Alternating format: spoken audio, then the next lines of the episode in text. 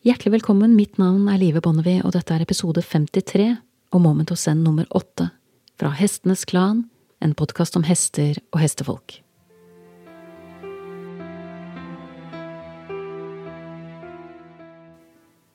Dagens Moment of Zen er hentet fra en klinikk jeg deltok på med Leslie Desmond for snart 20 år siden. Men øyeblikket som jeg skal skildre i denne episoden, henger på mange måter sammen med et annet øyeblikk som var så langt fra Zen som du kan komme. For meg er de to øyeblikkene likevel tett vevet sammen, og du vil snart skjønne hvorfor. La meg starte med å tegne opp ytterpunktene. På den ene siden Leslie Desmond-klinikken, der eieren av stedet der arrangementet fant sted, hadde sluppet deg hoppe med et føll fra eget oppdrett løse i ridehuset. Hvis jeg skal gjette, var føllet rundt tre–fire måneder gammelt. Jeg husker ikke foranledningen, men husker veldig godt bildet av den skimlete hoppa og hingstefølget i samme farge som travet rundt i ridehuset. Hoppa virket kjent og komfortabel med arenaen og omgivelsene. Følget var eksponert for publikum og klinikksituasjonen for første gang, og derfor veldig oppmerksom på alt, men likevel godt beskyttet og godt ivaretatt ved mors trygge side. Det andre ytterpunktet var en klinikk der en tilreisende hoppe ble tatt med mens følget ble etterlatt hjemme på gården, og hun måtte håndmelkes mellom øktene. Smak litt på den kontrasten.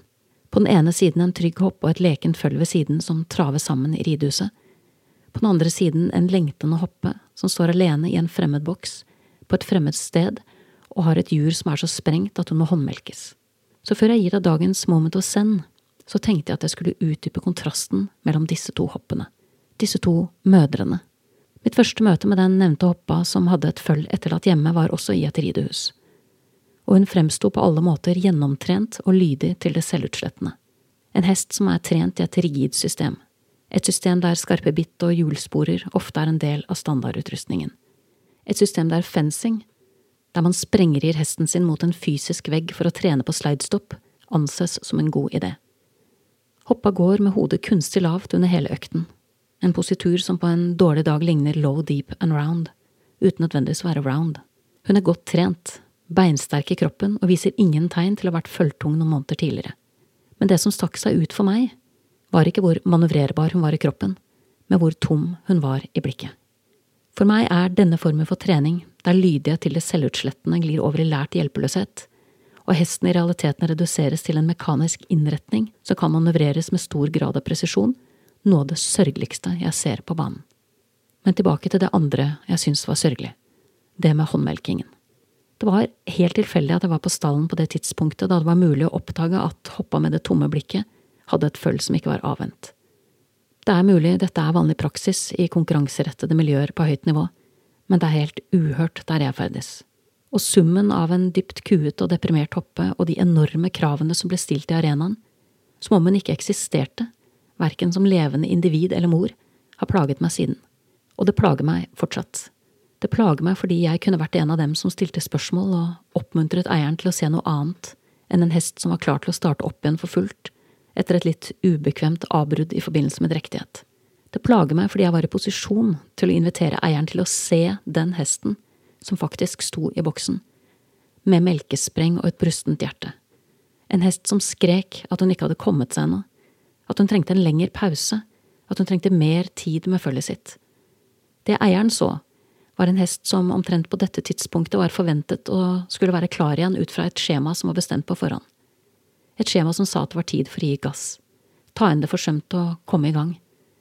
En klassisk felle som vi alle går i med jevne eller ujevne mellomrom fellen der vi slutter å være det som på engelsk heter human being, og i stedet blir den litt mindre følsomme varianten av oss selv, human doing, der vi holder fokuset på å få ting gjort, mens væren er noe vi glemmer bort.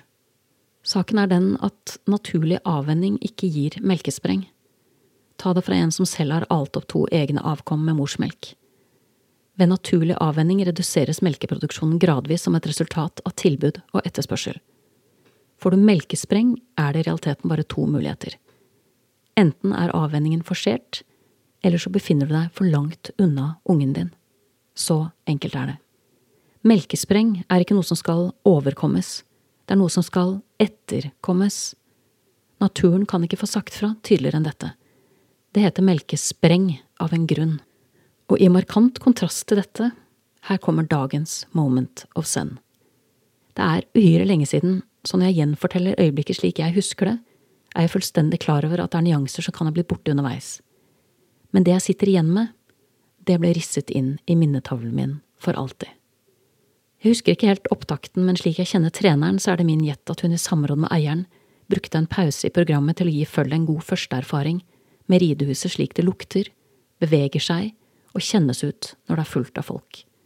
Det første jeg merker meg når jeg ser dem, er at det er tydelig at Hoppe er en trygg og god mor, at hun er godt skolert og riktig håndtert.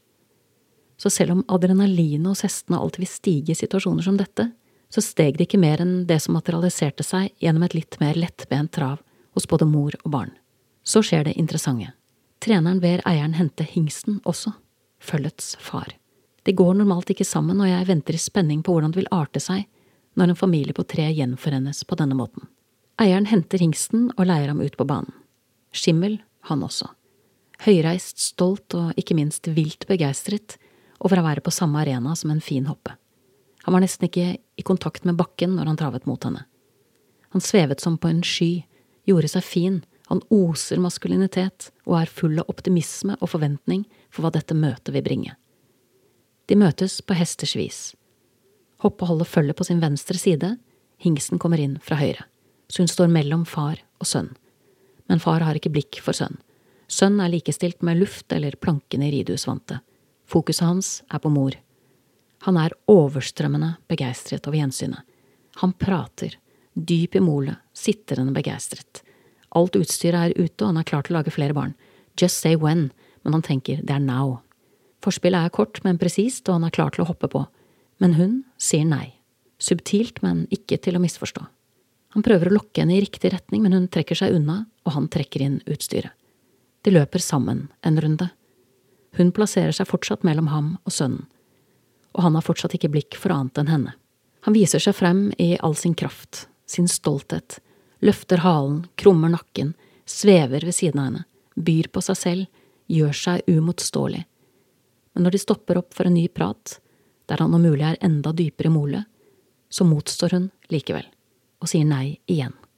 Litt tydeligere denne gangen, men det er ikke så mye som skal til for å fange opp at han Hoppe som dette sier nei, og mener det. Han tar det til etterretning, og når Hoppa traver videre med følget, traver han etter. Kanskje i håp om at hun skal endre mening, men energien hans er en helt annen nå. Nå er de to på tur sammen, som et ektepar som jogger på en gangvei rundt et vann, mens de samtaler lavt sammen og har det fint. Følget følger moren sin som en hvit skygge. Så kommer øyeblikket. Mor får følget over på samme side som far. De traver sammen alle tre nå, og far har omsider anerkjent at følget også er til stede. Det er umulig for meg å vite eller kunne si noe sikkert om han gjenkjenner følget som sitt eget avkom eller ikke, men de ligner en familie på tur sammen.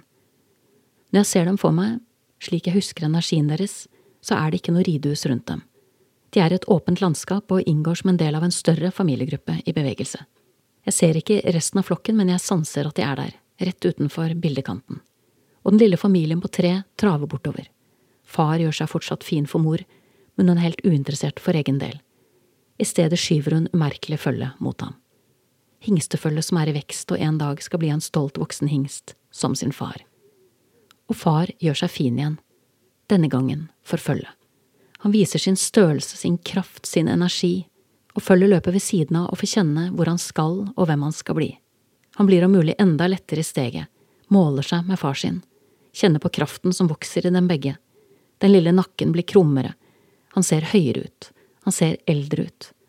Far tar seg god tid til å vise sønnen hvordan det skal gjøres, og sønnen ser, kjenner og lærer. Så uten oss er det slik de lever. Uten oss ville far lære sønn og mor lære datter hva som venter. Uten oss er det del av noe større enn dem selv. De vifter bort hverandres fluer og flykter sammen når farer truer. De står tett når regnet faller rett. De klør hverandre, de spiser sammen, de drikker sammen, de sover i sola sammen. Uten oss er de en familie. Det øyeblikket var for evigheten. Jeg glemmer det aldri. Du har nettopp hørt episode 53 og Moment of Zen nummer 8 fra Hestenes Klan, en podkast om hester og hestefolk. I min engelske søsterpodkast får du denne uken del to av intervjuet med Andrew Maclean, der vi snakker om teorien om dominans og underkastelse. en episode jeg varmt kan anbefale uavhengig om du har hørt den norske versjonen eller ikke. Å gå rett til kilden er alltid best. Da gjenstår det bare for meg å takke min faste komponist Fredrik Blom, og sist, men ikke minst vil jeg takke deg, kjære lytter, for tålmodigheten. Måtte hesten for alltid være med deg.